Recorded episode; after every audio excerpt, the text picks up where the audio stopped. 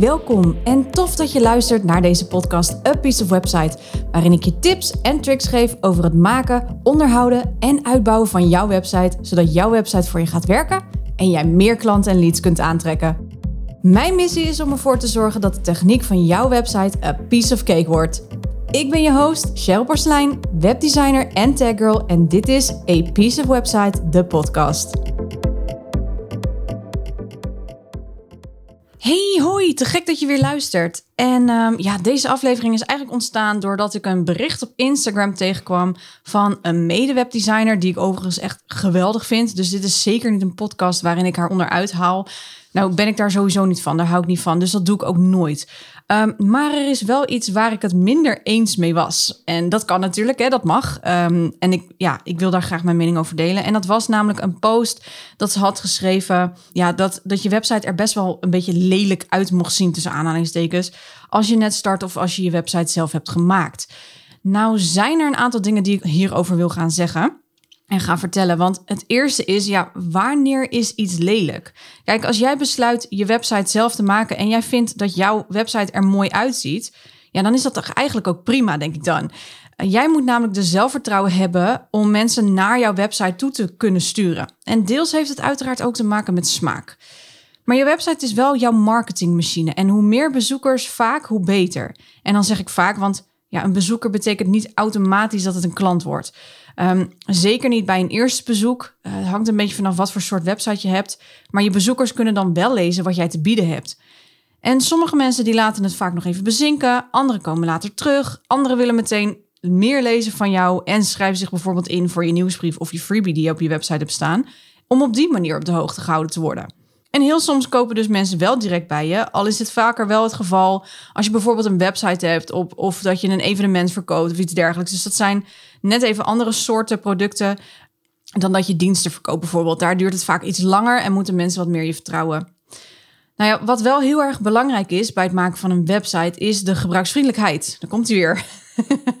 het maakt namelijk niet zo heel erg uit dat jij nog niet tevreden bent over je website, zolang het maar gebruiksvriendelijk is. Want als men namelijk niets kan vinden, ook al ziet je website misschien er fantastisch uit en heb je er alles aan gedaan en, en et cetera, dan nog zal men niet door je website heen kunnen komen, omdat ze niet datgene kunnen vinden waar jij graag willen dat ze dat willen dat ze vinden. Zeg ik dat goed? Dat is heel slecht Nederlands voor mij. Maar in ieder geval, jij bent degene die ervoor moet zorgen dat ze in een bepaalde journey door je website heen gaan. En als die journey en die gebruiksvriendelijkheid mist, doordat er bepaalde knoppen missen, doordat dingen op de verkeerde plek staan, dan kunnen mensen je website nog zo mooi vinden, maar dan kunnen ze nog steeds niet vinden wat jij ze te bieden hebt. En dat is zonde. Neem bijvoorbeeld de website van uh, Disney World. Um, dit is dan wel weer een voorbeeld van een, ja, een website die Amerikaans is. Dus het is wat vrij groffer ook, vind, zie ik ook vaak. En uh, vrij groot allemaal. Uh, de website voor Disney Parijs heeft namelijk een redesign gehad. Dus vandaar dat ik even de Amerikaanse variant pak. Um, maar de website ziet er niet zo heel erg mooi uit. Tenminste, vind ik hè. En ook uiteraard is het hier een beetje een kwestie van smaak. En het heeft ook te maken met de cultuur uh, die we op websites terugzien. Als je bijvoorbeeld westerse websites met Aziatische of Arabisch-talige websites bekijkt, dan zul je echt een wereld van verschil zien in designkeuzes en noem het maar op. Maar goed, we pakken even de Disney World variant, dus de Amerikaanse variant. Maar ondanks dat de website er in mijn ogen niet heel erg mooi uitziet, is het wel een website die redelijk gemakkelijk te navigeren is. Hè? Dus hier gaat het echt puur om de gebruiksvriendelijkheid. Men weet waar jij op, naar op zoek bent. Uh, hebben duizenden tests gedaan om ervoor te zorgen dat jij de juiste uh, pagina's kunt aanklikken. En dat jij uiteindelijk natuurlijk gaat boeken. Ze doen er alles aan om ervoor te zorgen dat jij gaat boeken. Dus ook al vind je het design niet mooi. Want ik vind persoonlijk dat ja, een Disney Parijs website mag een beetje meer flair hebben, vind ik, dan de meeste normale websites het werkt nog steeds. Het is een drukke website, er staat heel veel op, maar het blijft gebruiksvriendelijk. En dat is wel heel erg belangrijk als je gaat kijken naar hoe je je website gaat indelen. Dus hè, wat ik al zei, als jij zelf vindt dat je website nu nog niet helemaal uh, in orde is qua design, zorg er in ieder geval voor dat je uh, de gebruiksvriendelijkheid zo optimaal mogelijk hebt uh, gemaakt, zodat mensen in ieder geval hoe dan ook goed doorheen kunnen.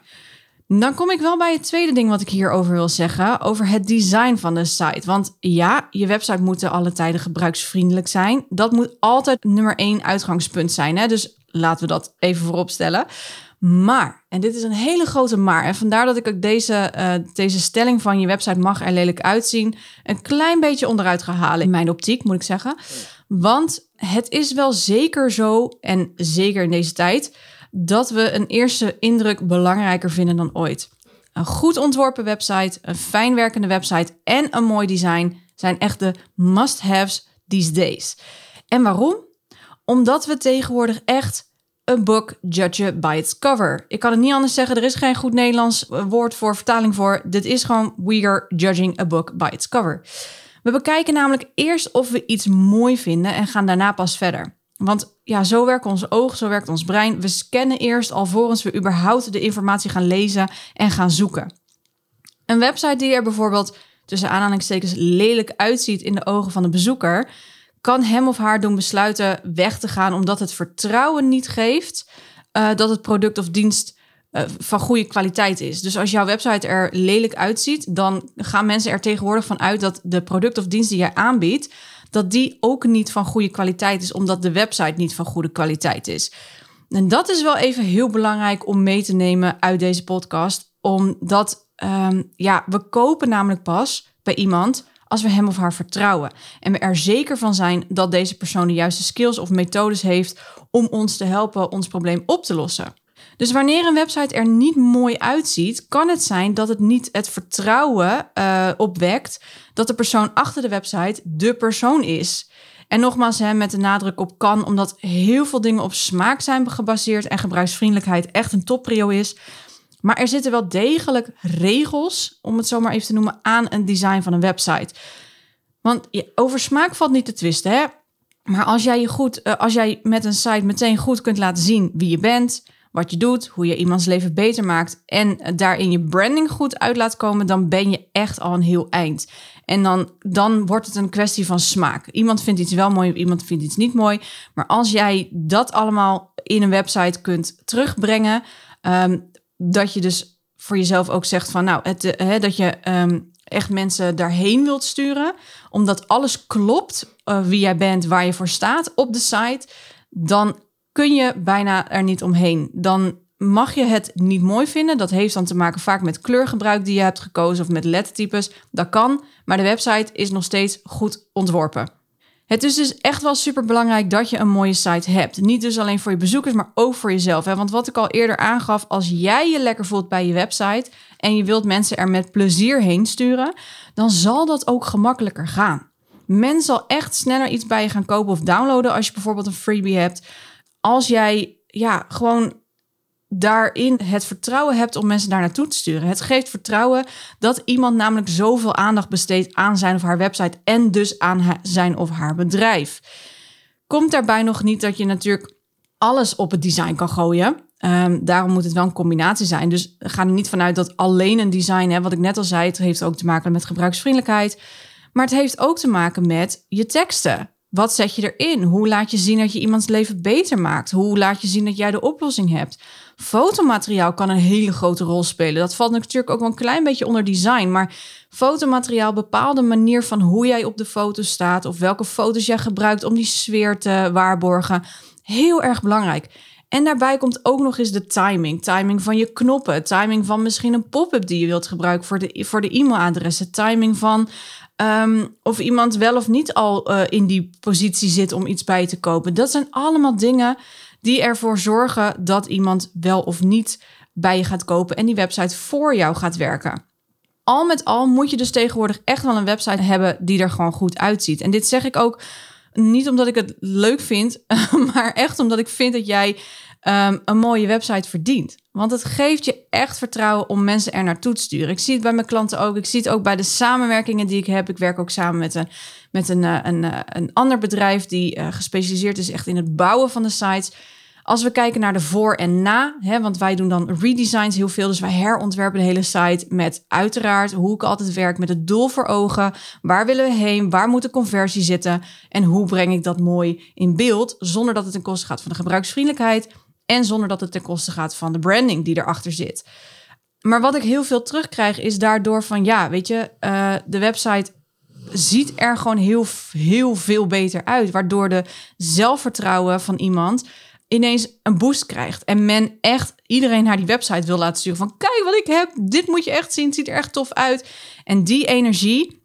Want hè, eh, als jij die vertrouwen uitstraalt en je straalt die fun ook uit, het feit dat je dan trots bent op je website, dat werkt aanstekelijk. En dat is waar mensen op aanhaken, op die energie. En waardoor diezelfde mensen zomaar heel snel klant bij je kunnen worden. Ehm, dus als iemand zegt, je website mag er ook best lelijk uitzien, neem daar niet te snel genoegen mee. Uh, maak er wel wat moois van, maar vooral iets waar jij blij van wordt. Want het is tenslotte jouw bedrijf en jouw website. En als je denkt van, nou, dat kan ik niet zelf, laat het dan doen door een ervaren webdesigner, iemand zoals ik. Maar met mij zijn er nog vele andere webdesigners die prachtig werk voor uh, uh, maken uh, voor anderen. En ik ben er heel trots op dat ik daar natuurlijk een onderdeel uit mag maken van die beroepsgroep. Het laatste wat ik wil tegen je zeggen is: neem je website wel serieus. Uh, net als de rest van je marketing serieus neemt, is een website een enorm onderdeel van jouw marketing binnen je bedrijf.